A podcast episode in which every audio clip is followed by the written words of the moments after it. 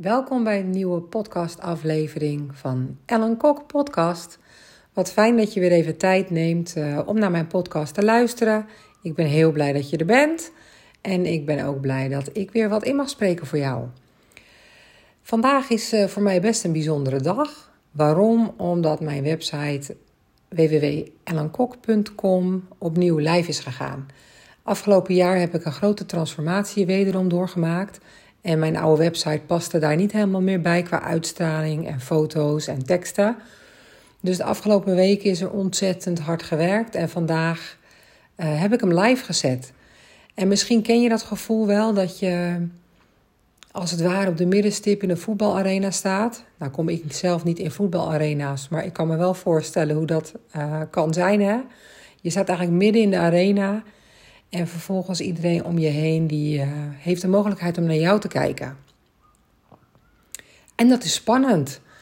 Want de website die maak ik natuurlijk om iets uit te stralen, omdat mijn missie is om ja, die businesswoman, vooral authentieke businesswoman te laten zijn. Dus de vrouwelijke leiders en ondernemers vanuit authenticiteit en daardoor met meer plezier en vrijheid succesvol te kunnen zijn. Uh, en dan mag ik mezelf dan ook weer uh, in het gezichtsveld plaatsen en in de spotlight zetten, want daar begint ook mijn messaging mee. En ondanks dat ik het vooral doe omdat ik het graag wil, omdat ik mijn missie in elke vezel voel, is het ook altijd weer spannend met hoe gaat het ontvangen worden. Uh, en ja, als iedereen er heel erg van zou balen, zou ik niet de laatste zijn die zou zeggen dat ik dat heel jammer zou vinden. Maar gelukkig komen de eerste reacties binnen en die zijn onwijs positief. En uh, dat deed mij weer tot, tot iets realiseren. Hè? Dat het maakt niet uit hoe zelfstandig je bent en hoeveel zelfvertrouwen je ook hebt. Je zult altijd enigszins waardering van je omgeving uh, fijn vinden.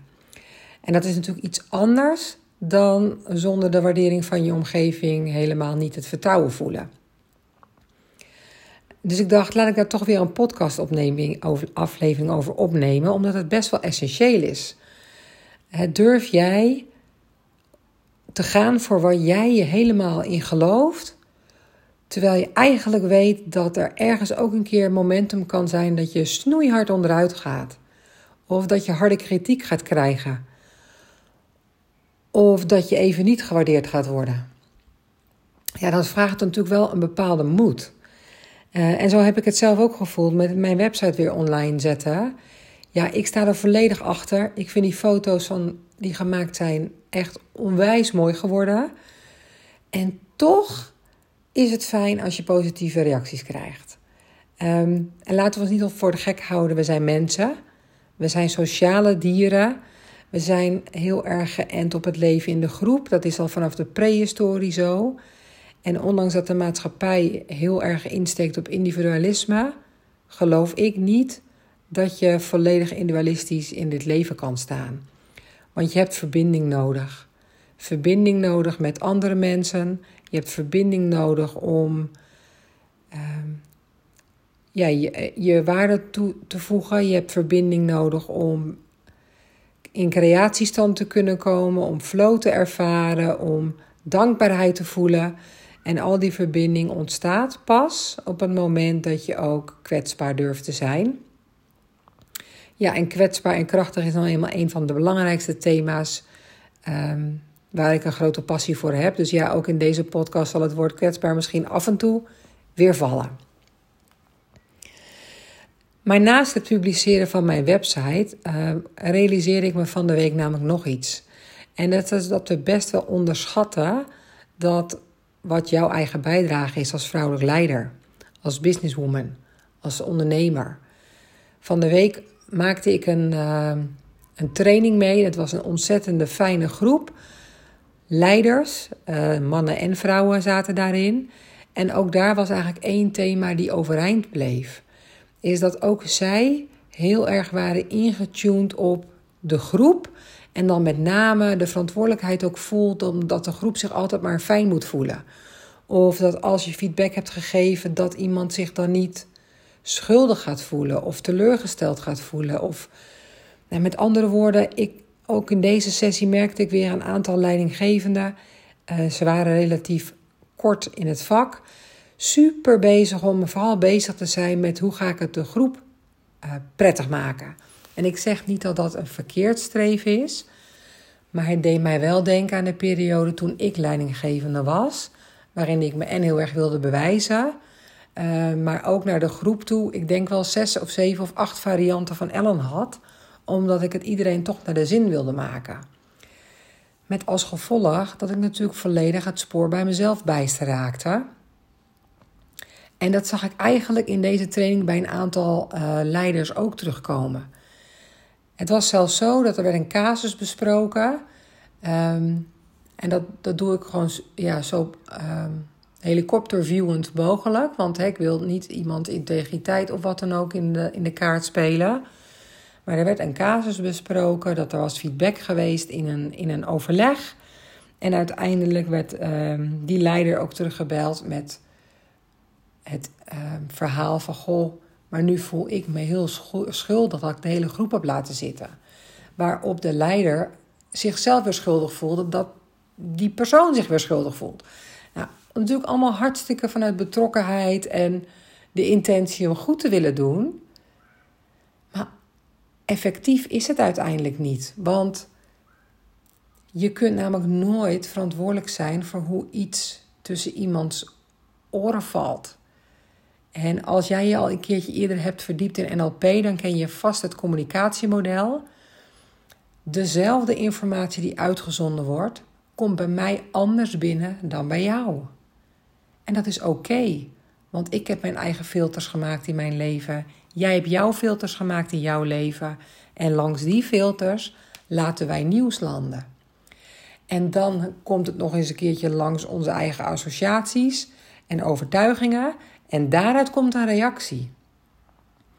Dus hetzelfde nieuws kan bij mij misschien zelfs wel enthousiasme en gedrevenheid bewerkstelligen, waar het bij een ander schuldgevoel en ellende veroorzaakt. Dus ik zei ook tegen die leider: je, kun, je bent nooit verantwoordelijk voor de volledigheid hoe iets landt bij iemand. Waar je wel verantwoordelijk bent, is met welke intentie breng je het. En heb je je eigen kwetsbaarheid daarin ook gebracht? Dat je soms misschien dingen ook lastig vindt of het even niet weet. Dus vanuit welke intentie ga jij in gesprek met een van jouw medewerkers of je collega's zelfs? Daar kan het ook mee gebeuren, of je zakenpartners.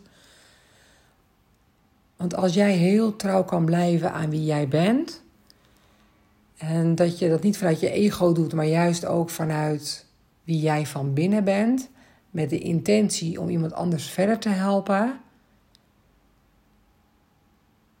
dat is het beste wat je kan doen. En daarna heb je het los te laten. En nu, hè, nu als jij misschien communicatie hebt gestudeerd, zal je waarschijnlijk zeggen: Nou, Ellen, dat klopt niet helemaal. Want uh, je moet altijd zorgen dat je in dezelfde golflengte communiceert. Dat is natuurlijk helemaal waar. Maar we moeten ook niet onderschatten dat we allemaal onze eigen overtuigingen hebben, onze eigen filters op het moment dat we met iemand kletsen, schrijven, mailen, wat dan ook.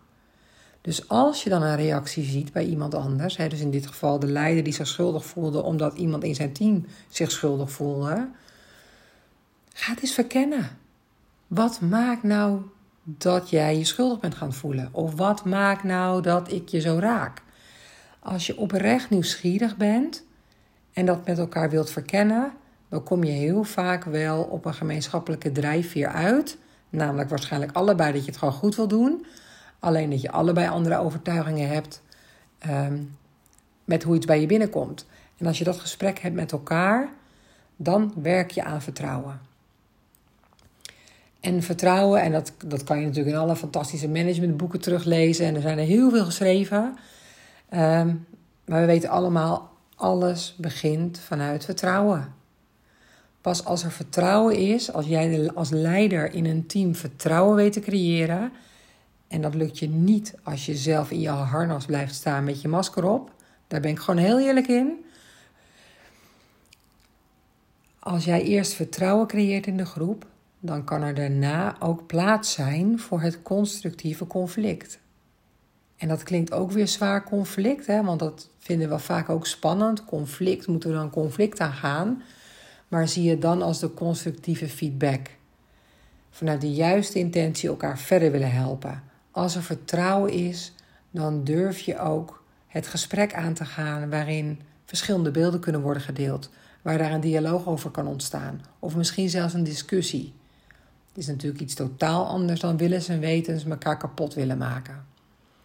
Dat is geen constructief conflict, maar dat weet jij waarschijnlijk ook, want anders luister je deze podcast denk ik ook niet. Dus ja, dat was wat ik deze week ineens aan moest denken. Ik, ik zet mijn website uh, in de lucht en daarmee zet ik mezelf eigenlijk weer op de middenstip. Wetende dat er mensen naar me kunnen kijken en mogelijk weer wat van mij kunnen vinden. Wetende dus dat het bij mij iets zou kunnen triggeren. Maar ook al zou dat kunnen gebeuren, mijn passie is veel groter dan dat er bij mij weer iets getriggerd wordt. En dat is ook wat ik die leiders gun die ik deze week heb gesproken dat hun passie om die leider te zijn in hun team, en moedig leider wil ik dan vooral zeggen. Uh, en als je een keer een goed boek wil lezen, kijk, lees dan eens naar de boeken van Brene Brown. Die heeft daar hele mooie boeken geschreven over de kracht van kwetsbaarheid en de moed en moedige leider. Ook overigens allemaal thema's, kracht en kwetsbaarheid. Maar dat is ook wat ik dus die leider gun. Dat zij vanuit hun eigen vertrouwen weten: ik heb iets met de juiste intentie gebracht in het team. En ja, er kan er altijd één of twee zich wellicht gekwetst voelen. En ik wil niet zeggen dat het dan oké is, maar ook die persoon mag in zijn eigen groeiproces terechtkomen. En als je dat wil beschermen als leider, dus als je eigenlijk wil zeggen: ja, maar ik ga de omgeving om jou heen wel zo mooi en zoetzalvend maken dat jij nooit gekwetst wordt, eigenlijk ontneem je dan iemands ruimte om te groeien. Dus hoe zou het zijn als je als leider toch dat gesprek aangaat in de groep, wetende dat er mogelijk één of twee mensen zich toch gekwetst gaan voelen of geïrriteerd of andere negatievere emoties zullen hebben, maar dat je het toch doet omdat je de hele groep en het individu groei gunt.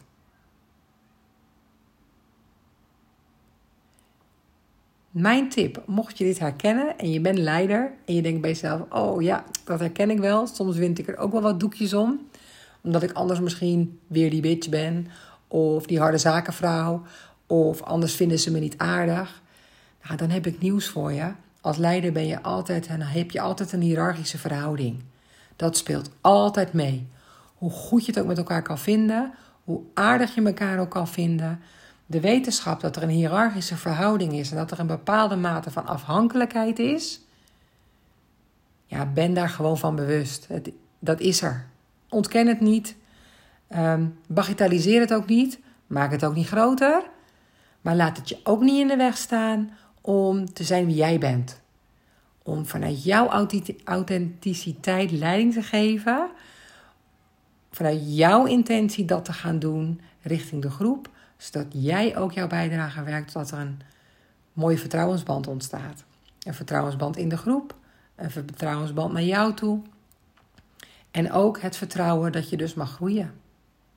Zowel jij als de groep. Als individuen in de groep.